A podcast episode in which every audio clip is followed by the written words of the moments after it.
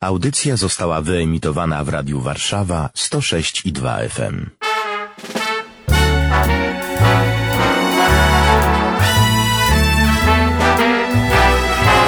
Garda i krawat.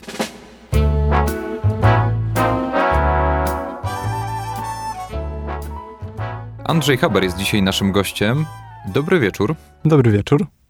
Scott Hahn to będzie nasz dzisiejszy bohater i przyznaję, że zadałem ci po prostu pytanie, o kim byśmy mogli porozmawiać, kogo ty widzisz w tej roli. Mm, To jest twoja druga propozycja, ale przyznaję, że wyjątkowo mi podpasowała, no bo też dla mnie Scott Hahn w ogóle był taką ważną osobą w takim odnalezieniu gdzieś siebie w kościele, więc jakoś stwierdziłem, że na pierwszym miejscu musimy o nim porozmawiać. Tak, no to jest taka osoba, która na mnie też zrobiła niesamowite wrażenie. E, Kiedy czytałem jego historię, w zasadzie jego autobiografię razem z jego współmałżonką, no to zrobiło to na mnie naprawdę duże wrażenie, taka jego szczerość przed samym sobą. Myślę, że to przede wszystkim i, i chyba dlatego zaproponowałem tę osobę. Mhm. To tylko powiem, e, powiedzmy naszym słuchaczom, o kim rozmawiamy. Scott Hahn to jest Amerykanin, człowiek, który przeszedł bardzo długą podróż wiary, właściwie od prezbiterianizmu, z którego wyrósł, po właściwie, no takie zupełne zwątpienie we wszystko, aż po faktycznie Kościół katolicki. No i to jest wszystko osnute w takim jego stylu amerykańskim. Takiego luzu, takiego, takiej szczerości, o której mówisz. Tak, mi się Tak, wydaje. tak. Wszystko przedstawia takim też lekkim językiem, tym przez co jego książka jest bardzo przystępna, ale jednocześnie y, bardzo można poczuć te jego zmagania, to co, przez co on przechodził, te wszystkie trudności, które trwały latami. I myślę, że to jest niesamowite właśnie, że, że to jest osoba, która nie zwątpiła, tylko cały czas drążyła, cały czas y, szukała tego, do czego została stworzona, do, do czego jest powołana, no nie? Ja mam ze sobą tą książkę, o której, do której się w sumie chyba najbardziej odnosimy, bo ty też swoją przyniosłeś. E, Twoja to jest czwarty kielich, ty ją teraz czytasz chyba, tak? Tak, właśnie niedawno zacząłem, mm, ale, ale rzeczywiście głównym moim odniesieniem jest książka, którą ty trzymasz w rękach i jest to W domu najlepiej. W domu najlepiej.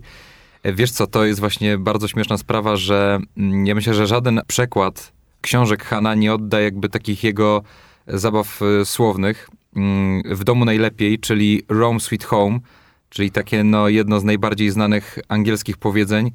e, Home Sweet Home. Właśnie w domu najlepiej, rzeczywiście, ale... W oryginale Ale brzmi Han o się tym bawi, lepiej. to znaczy on mówi, że em, wszędzie dobrze, ale w Rzymie najlepiej. Znaczy to, to, to może jest taki tytuł, który ta książka powinna nosić. Zresztą on w wielu miejscach takie rzeczy robi. Na przykład ma książkę I Swear i to jest rzeczywiście przysięgam, przysięgam Bogu, złożyć przysięgę w Bogu. To jest jakby takie dziecięce, no przysięgam na Pana Boga, nie? Znaczy to, Mhm. to jest bardzo fajne gdzieś u niego, że on potrafi nie mówić tak bardzo na serio. Znaczy być, mieć taki styl bardzo luźny. I w tej książce to jest właściwie ich taki dwugłos. On i Kimberly, jego żona, opowiadają o tym, jak się zaczęły te ich zmagania. Najpierw opowiada o sobie jako o, no właśnie, facecie, który no jest takim łobuzem. Znaczy on w pewnym momencie nawet trafia do więzienia. On chyba dostaje jakiś, e, jakiś, jakiś wyrok w, e, w zawiasach, ale, ale na pewno nie jest, nie jest grzecznym ministrantem, mówiąc No tak, tak, to po, na pewno. po polsku. Pamiętam ten e, fragment, kiedy opowiada, jak właśnie jakiś mm, pastor pobliskiej parafii, zgromadzenia próbuje go przyciągnąć właśnie jakimś sposobem, że tam jakaś e, koleżanka, która wiedział, że jemu się podoba, też będzie na danym wyjeździe, żeby też pojechał i, i tak jest wciągany do tego kościoła. Mm, Young Life, to chyba tak się nazywa ta organizacja. Mhm. Tak, no i, i, no i po kolei poznaje pisma, ale jednocześnie też e, pokazuje ten wątek e, oddalenia się od kościoła katolickiego i, i pokazania, że wręcz próbował e, nawracać jakichś swoich znajomych katolików, przekonywać ich, że to jest e, zła droga. E, Znaczy on w tym momencie łapie ten cały taki zaciekły wręcz antykatolicyzm. tak, tak, dokładnie, że, a, a jednocześnie robi to w dobrej wierze, prawda, że Mhm. że nie, nie robi tego, żeby zwieść kogoś na złą drogę, tylko właśnie dla, dla czyjegoś dobra on chce kogoś sprowadzić, słuchaj, mylisz się, to, to, to jest prawda. Tak, zresztą ta dziewczyna, która, dla której przyszedł do Young Life, on w pewnym momencie mówi, czy opowiada tą historię, nie mówi tego z dumą, ale dał jej odpowiednią literaturę, e, no to powiedziała, że już więcej od tego czasu nie była nam przy. Znaczy miał dar przekonywania, może Był tak. skuteczny. Był skuteczny. No tak, ale y, czytając dalej widzimy, że jest jakiś wątek, który prowadzi go do jakiegoś znaku zapytania. Czy to miejsce, w którym jest, jest y, odpowiednim miejscem? I zaczyna szukać, y, mimo że ktoś mógłby sobie pomyśleć na jego miejscu, że no bez przesady, tutaj trzeba, trzeba powiedzieć, że on był teologiem, tak, że znał y, bardzo dobrze Pismo Święte, ale on chce szukać dalej, szukać głębiej, że jeśli trafia na jakiś punkt, gdzie nie jest pewny, to szuka tej odpowiedzi że, żeby dojść do prawdy. Wiesz, on y, mi się tak sko... Znaczy ja dzisiaj przyznaję, wiesz, bo to, tą książkę to w ogóle już czytałem tyle lat temu, wiesz, że jakby oczywiście taki główne myśli pamiętam, bo to są rzeczy, które zapadają bardzo mocno w pamięć. Nie wiem, czy ty miałeś też takie wrażenie, jak czytałeś tą książkę, że to jest kryminał. On to chyba nawet pisze we wstępie, że to jest powieść detektywistyczna, bo on zaczyna to poszukiwanie prawdy, przechodząca w dramat, bo on w pewnym momencie, no mówiąc kolokwialnie, mocno się poci przy tych swoich wątpliwościach, które ma, coraz mocniejsze i przechodząca w ostatecznie w romans. I wiesz co, odświeżyłem sobie dzisiaj, przejrzałem sobie, przekartkowałem tą książkę. Ty powiedziałeś, że, że, on, że on był teologiem i on miał to takie zaciętość taką w tym poszukiwaniu prawdy.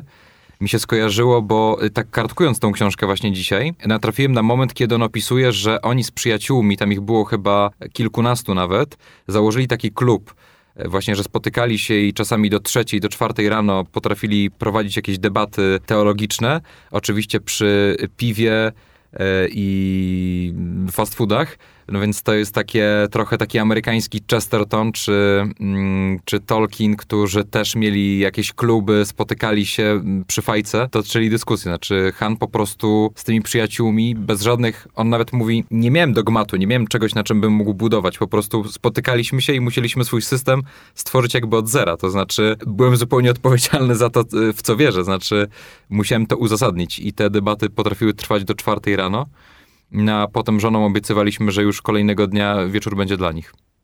Rzeczywiście był taki wątek i, i mnie też to mm, no zaimponowało mi to, że e, taka chęć poznawania głębiej wiary, czy Pisma Świętego, prawda, gdzie często nie ma się na to czasu, czy nie ma się właśnie takiej ciekawości, czy otwartości na to, żeby wejść w to tak głęboko. Mm, Myślę, że to jest y, bardzo cenne i to jest coś, co mm, my, katolicy, w ogóle możemy też czerpać y, poniekąd y, od, od protestantów, czyli Mhm. takie znajomość Pisma Świętego, bo myślę, że tutaj czasem, no wiadomo, że to jest uogólnienie, więc też może krzywdzące, ale często mm, często brakuje takiego regularnej e, lektury Pisma Świętego, czy po prostu znajomości, a, a jednocześnie taka właśnie wspólna dyskusja nad tym w gronie przyjaciół, myślę, że to jest coś e, no, niesamowitego i jest to jakiś fenomen. Tak, i to i jakby u niego jest uderzające, że to nie jest dyskusja na zasadzie mi się wydaje. To znaczy, ci goście uczą się hebrajskiego i po nocach o tym dyskutują, ale z całym zaangażowaniem. Znaczy, mając niesamowity warsztat teologiczny, odkrywają rzeczy, które po prostu, e, od których czasami, e, e, których wstydzą się katolicy. To znaczy, on mówi, że jego przyjaciele katolicy, on lubił do nich strzelać jak do kaczek. Znaczy, to była rozrywka tego typu. Znaczy, że Mhm. lubił wymieniać się z nimi argumentami, bo wiedział, że to jest jak strzelanie do bezbronnych kaczek.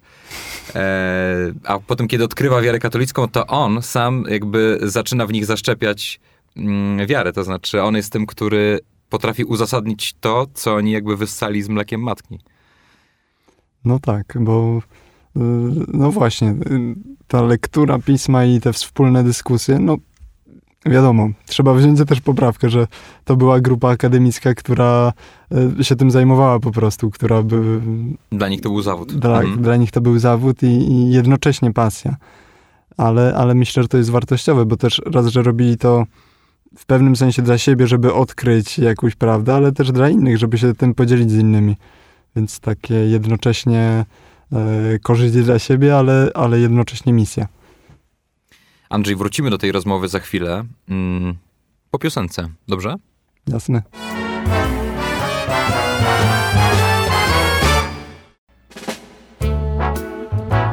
Garda i krawat.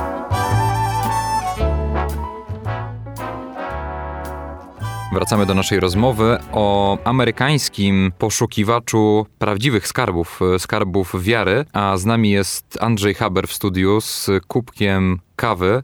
I zawsze cię podziwiam za to, że ty o tej porze jeszcze jesteś w stanie pić kawę. Kawę jestem w stanie pić zawsze, także to nie jest dla mnie problem. Ostatnio poszliśmy do jakiejś kawiarni na, na Starym Mieście i, i byłem w szoku, że rzeczywiście to była kawiarnia, ale myślałem, że to tak przenośnie, że idziemy na kawę, a ty rzeczywiście zamówiłeś espresso o, o 20, także to no podziwiam.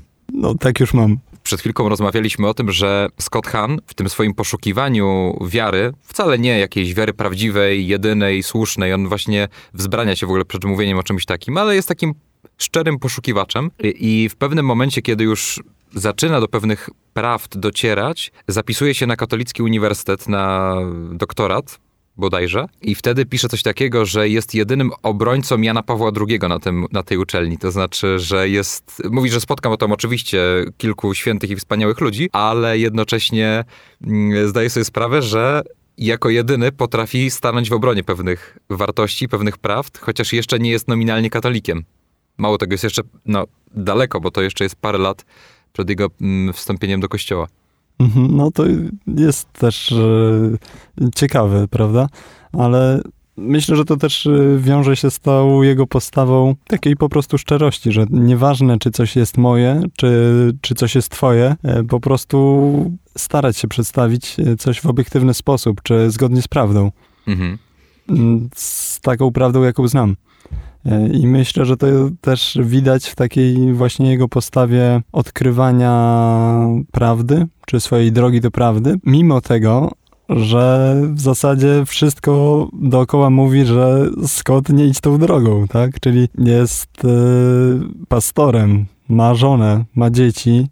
Jego żona bardzo cierpi też z tego powodu, że on szuka tej wiary, że idzie w stronę wiary katolickiej, bo czuje, że to jest jego droga, że, że to jest po prostu prawda. I tak samo przyjaciele. W zasadzie można powiedzieć, że prawie cały krąg jego znajomych się od niego w pewien sposób odwraca albo próbuje go namawiać, żeby tego nie robił. A on mimo tego wszystkiego czuje w sobie jakiś taki głos, takie wezwanie, że, no, że nie może przestać, bo, bo to jest coś tak ważnego, że nie może odpuścić. I, i myślę, że to ma jakiś związek też z tym, z, z obroną nauczania Jana Pawła II. On w pewnym momencie mówi, znaczy je, jedny z jego przyjaciół zresztą radzi Kimberly, żeby może rozwiodła się ze Scottem. Znaczy to jest taki moment mocny.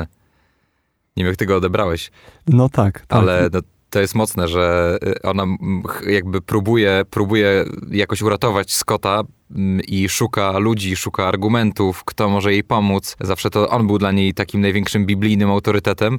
No i w pewnym momencie jeden z ich wspólnych przyjaciół mówi jej przez telefon, że argumentów nie znalazł, ale wydaje mu się, że może w takim razie mogliby się rozwieść. No tak, to jest, to jest szok e, z jednej strony, ale z drugiej strony też widać e, no, postawę Kimberly, tak, która, której jest bardzo ciężko, tak, jest załamana, często płacze. W zasadzie to małżeństwo jest no, w bardzo kiepskiej kondycji też w związku z tym. Mo, może się tak wydawać, ale jednocześnie ona jednak przy nim trwa i też e, tam był taki fragment o dzieciach, że najbardziej ją boli to, że jeśli Scott będzie katolikiem, to ona też przyjmie to z racji, że on jest głową rodziny, że dzieci też zostaną ochrzczone w wierze katolickiej. Aha. I to było takie, wow, no to nie, nie dla każdego to byłoby takie oczywiste. Mhm. E, To też może trochę inne realia, ale no, że ona jest jemu wierna po prostu, tak? I tym jego przekonaniom, mimo że sama zupełnie nie jest do tego przekonana. Tak mi się skojarzyło, wiesz, y, był ponoć w czasie zimnej wojny taki y, czerwony telefon między Waszyngtonem i Moskwą. I w pewnym momencie jest też taki opis. To jest w ogóle dużo takich scen nocnych rozmów. Nie wiem, czy to ci się rzuciło w oczy. Może ja sobie to dopisałem jakoś już po latach nieczytania tej książki, ale na przykład dzisiaj, y, wertując tą książkę, znowu natrafiłem na moment, kiedy oni z jego przyjacielem, Jerrym Matatixem, w nocy mm, rozmawiają do, do późnych godzin, właśnie omawiając doktryny katolickie. On opisuje, że byli największymi takimi po prostu fanatykami dociekania prawdy na uniwersytecie i w pewnym momencie to jego kumpel staje się coraz bardziej katolicki i Han próbuje go przekonać, że nie ma racji, ale w pewnym momencie obaj w to, w to wpadają. Nawet przyjmują chrzest w tym samym 86 Rzeczywiście, by, był taki moment, nawet e, przypomniała mi się taka może śmieszna anegdotka, kiedy on był taki zirytowany, że kolega znajomy będzie miał chrzest przed nim. Jak to? Jakim prawem? Przecież on już od takiego czasu się zmaga z tymi myślami. I, i to zresztą w ogóle w tej książce jest dużo takich fragmentów śmiesznych. Szczególnie dla nas katolików, myślę. Mhm. E, Chociażby takie wątki jak, e, jak tam mówi, że z kolejnymi sprawami się rozprawia, z tymi swoimi dylematami w, w głowie odnośnie wiary katolickiej. I jest y, takie zdanie, coś, coś w stylu, no ale została mi jeszcze najtrudniejsza kwestia, kwestia Maryi, że, że, że z tym jeszcze sobie nie mogę poradzić. Że, no bo przecież dla protestantów to jest y, no na pewno też ciężkie, tak. Tak, mi się wydaje, że ta książka jest w ogóle fenomenalna nie tylko jako, no nie wiem, jakieś takie świadectwo. To jest ciekawe, że w ogóle na, na okładce coś takiego jest napisane. Kto chciałby czytać tę historię jedynie jako historię nawrócenia, wiele przeoczy z jej istotnej treści. I, I faktycznie coś w tym jest. I może jednym z takich wątków, które są nieoczywiste w tej historii, jest zrozumienie myślenia osoby, która jest szczera, szczera w swoich poglądach, ale właśnie wychowana w tradycji protestanckiej. Jak trudno pewne mapy myślowe zmienić. Myślę, że to nie tylko dotyczy wiary i nie tylko dotyczy e, tej kwestii, tylko, no nie wiem, może tego typu książki pomagają e, zrozumieć, że no człowiek, który ma najlepszą wolę poznania prawdy, może mieć naprawdę obiektywne trudności. No tak, na pewno, bo znowu wracamy do tego, do tej szczerości przed samym sobą, Mhm. żeby wyjść poza schemat tego, co ktoś mi powiedział na przykład, tylko mieć y, jakąś, jakieś własne przemyślenia, czy własną relację, w którą można wejść i, i, i, i szukać. On się po prostu tego nie bał. Ale Mhm. myślę, że też to, co jest cenne w ogóle w kontekście Scotta Hanna, to jest raz y, jego droga i jego rodziny, indywidualna, ale to, co się dzieje dalej, czyli ta owocność y, tej drogi przebytej już że on nie zostawia tego dla siebie, czy tylko dla swojej rodziny, tylko skoro już wie, że odnalazł to najlepsze miejsce e, dla człowieka, to najbliżej prawdy, no to on chce się tym podzielić i przekazać to jak największej liczbie osób, czy może po prostu szczerze się tym podzielić z innymi. I, i znajduje jakieś takie pole dla siebie właśnie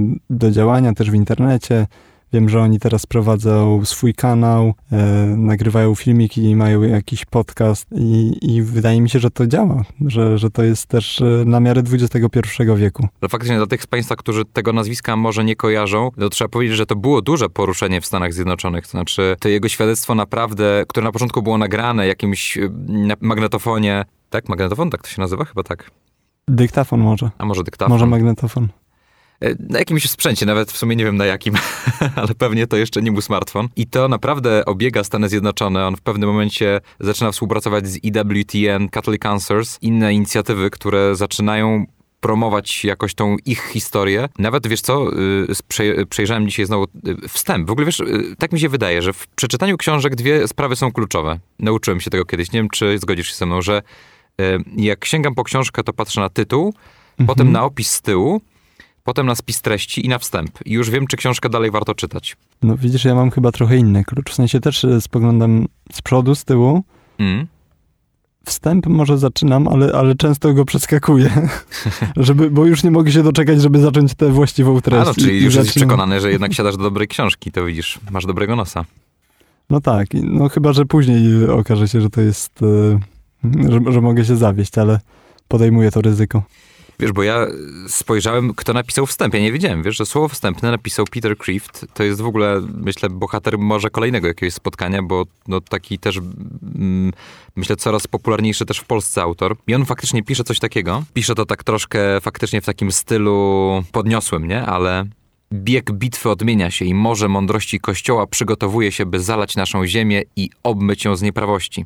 Scott i Kimberly są dwiema wczesnymi falami tego oczyszczającego przepływu. E, Też to, co robi wrażenie, to jest e, takie porzucenie starego życia poniekąd. No bo, no umówmy się, będąc pastorem, wykładając na jakimś uniwersytecie, przejść na katolicyzm, no to jest też śmierć zawodowa poniekąd. Mhm.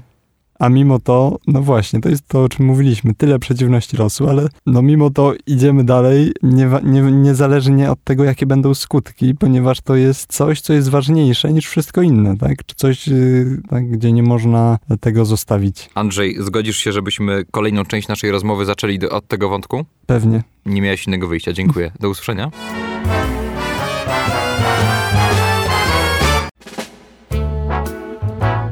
Garda i krawat.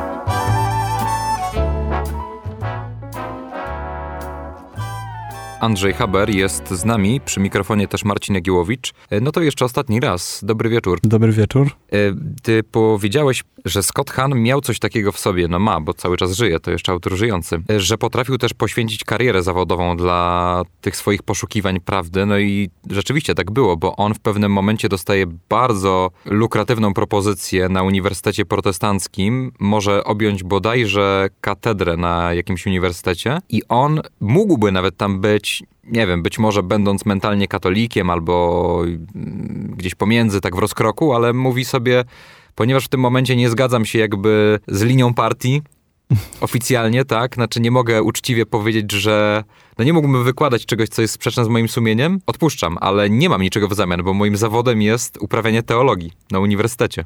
No właśnie, myślę, że to jest też duża nauka, przynajmniej ja tak to odebrałem, że, że jak ważne jest to, żeby, zresztą to, co mówił y, święty Jan Paweł II, żeby być człowiekiem sumienia. To jest coś, co teoretycznie ktoś mógłby zrobić, tak jak powiedziałeś, że można by gdzieś tam, no tutaj mówię jedno, robię drugie, okej, okay, no może mi to nie przeszkadzać. No ale jednak, no właśnie, sumienie nie pozwala.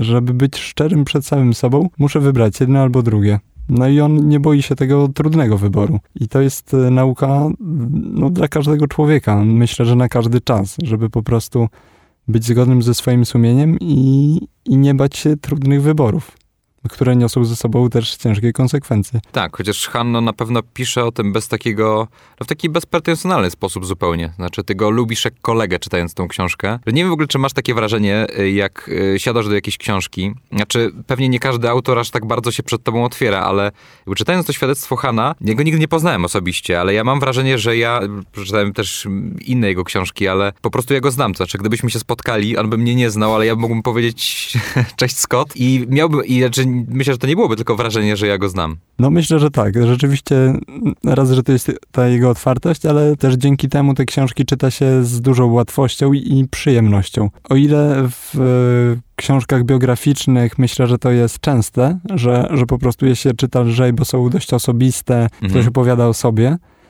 ale moim zaskoczeniem też było to, jak y, zacząłem książkę Czwarty Kielich, która no, de facto nie jest to o nim, choć no, też opisuje to ze swojej perspektywy, którą czyta się z bardzo dużą łatwością. W sensie jest lekka, jest przyjemna, a jednocześnie opowiada o sprawach no, kluczowych y, dla wiary, bardzo głębokich teologicznie, a, a jest, jest po prostu przyjemna. Mm, więc myślę, że to jest też na pewno jakiś jego dar, ale też dobrze go wykorzystuje, żeby, żeby opowiedzieć y, innym, mm, zaznaczyć punkt na, na, na jakimś temacie, który no, mi na przykład nie, nie przyszedłby do głowy, tak? Może też dlatego, że jestem od urodzenia katolikiem i niektóre kwestie są dla mnie naturalne. Dla niego nie były, tak jak chociażby Eucharystia, która jest rzeczywistym ciałem i i, krwią. Tak, dochodzenie do tego po kolei, jak to się działo w jego przypadku, z porównywaniem właśnie Starego Testamentu, Nowego Testamentu, z tymi wszystkimi kombinacjami mhm. i jego rozterkami w głowie, jak jeszcze był protestantem i też o, o tym zaczynał myśleć, no daje mi, mi dużo do myślenia też, że rzeczywiście... Mm, no, Doceniasz skarb, który masz od tak, zawsze. dokładnie, że, że, no, że warto pomyśleć o tym, e, co się ma, że, że to jest coś wielkiego, co mogło spowszednić. Mhm. Mhm. Wiesz, bo tak mi się wydaje, dla kogoś, kto nie zna tego człowieka. Znaczy, bo może, może się wydawać, że my rozmawiamy o jakimś takim nawiedzonym e, pracowniku, e, wiesz, biblioteki, który się uwielbia rozczytywać w jakichś tam woluminach starych i mm, zna języki starożytne i tam naczytał się teologii, ale właśnie nie, że to nie jest, że to nie jest ten przypadek. To znaczy, on wie, że żeby kochać osobę, trzeba ją poznać. To znaczy, dla mnie to jest, to jest właśnie uderzające, że on e, widzi w głębokim poznaniu doktryny, widzi sposób, żeby poznać Jezusa i bardziej go kochać. Znaczy, pokazuje tę prawdę, że wiara bez rozumu, bez tego elementu też zrozumienia, że, że pewnych rzeczy no, mogę dotknąć bliżej, nie? Mogę głębiej zrozumieć, no to to jest płytkie trochę, nie? Rzeczywiście, że sam e, tak bym tego nie nazwał, e, ale rzeczywiście zgadzam się z tym, że to jest coś takiego bliskiego, mimo że mówi o, o rzeczach, które brzmią bardzo poważnie, no i, no i są czymś bardzo ważnym, to o, czytając to czuć, że to są rzeczy bliskie, nie, nie jakieś e, sama teoria, która nie ma nic w związku z moim życiem, tylko coś bardzo bliskiego, mimo że, że to jest taka właśnie teologia, odnoszenie się do starych języków, do Starego Testamentu, do różnych ewangelistów. To jest coś, co ma wpływ na przykład na przeżywanie liturgii, czy, czy po prostu codzienne życie. I, I myślę, że to jest duża wartość właśnie jego książek i, i myślę, że w ogóle jego postawy. A wiesz co, przepraszam, bo tak właśnie y, biorę tą książkę i tak co jakiś czas ją mhm. trochę wertuję i otworzymy ją teraz, wiesz, na, mm, na stronie, kiedy Kimberly, mm, będąc na, y, też na uczelni, ona zdaje się też studiowała teologię i studiując, wybrała jako jedyna na protestanckim uniwersytecie temat antykoncepcji jako jakąś pracę roczną chyba, poświęconą jakimś zagadnieniom etycznym. Mhm. I wiesz, to znaczy, tak naprawdę zaczyna się od niej nawrócenie ich obojga. To znaczy, ona odkrywa e, prawdę, że Kościół katolicki jest ostatnią instytucją e, chrześcijańską, która e, broni tej nauki. Czy w pewnym momencie Scott chyba rzuca taką myśl, że okej, okay, Kimberly, nie przejmuj się, to ślepej kurze trafiło się ziarno.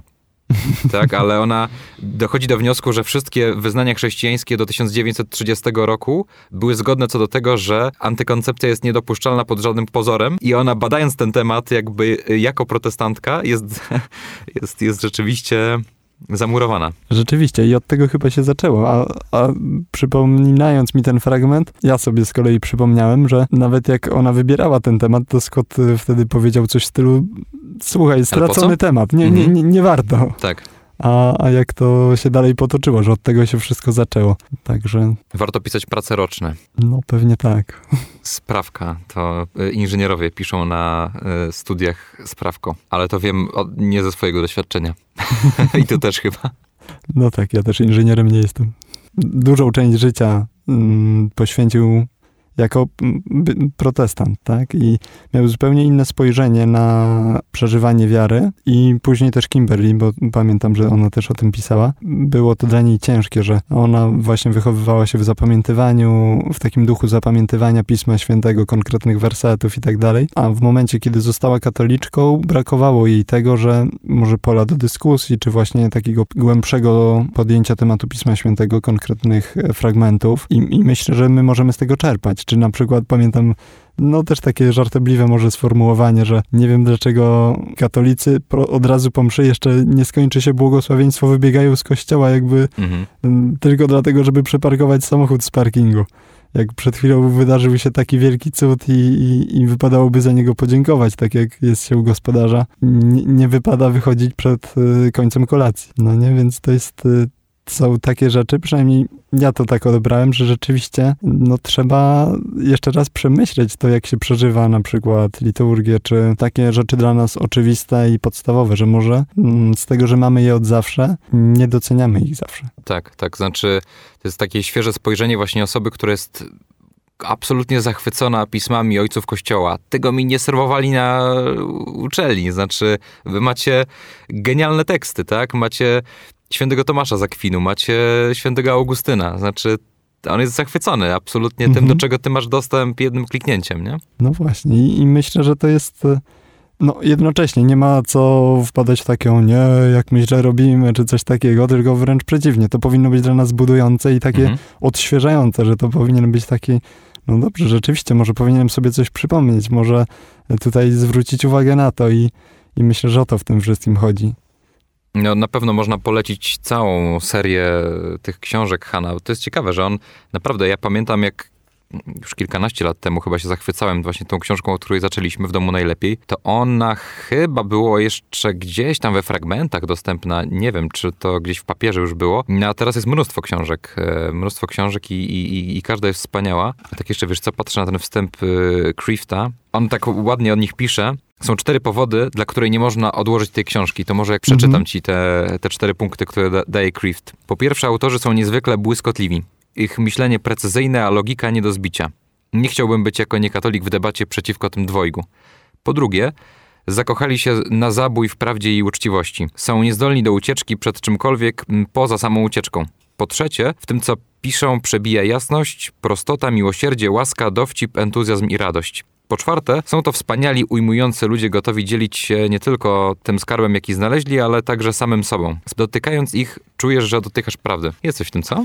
No tak, rzeczywiście, to jest e, coś, co ładnie podsumowuje, myślę, też naszą rozmowę i, i takie zachęcenie do lektury, bo myślę, że to jest e, lektura, którą warto przeczytać. Andrzej, dziękuję ci bardzo. Dziękuję za rozmowę. Do usłyszenia.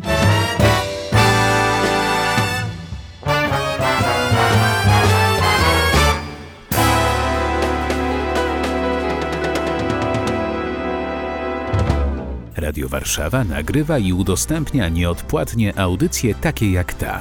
Dzięki wsparciu finansowemu słuchaczy i przyjaciół. Wejdź na www.radiowarszawa.com.pl i wpłać darowiznę. Wzmocnij nasze dobre fale.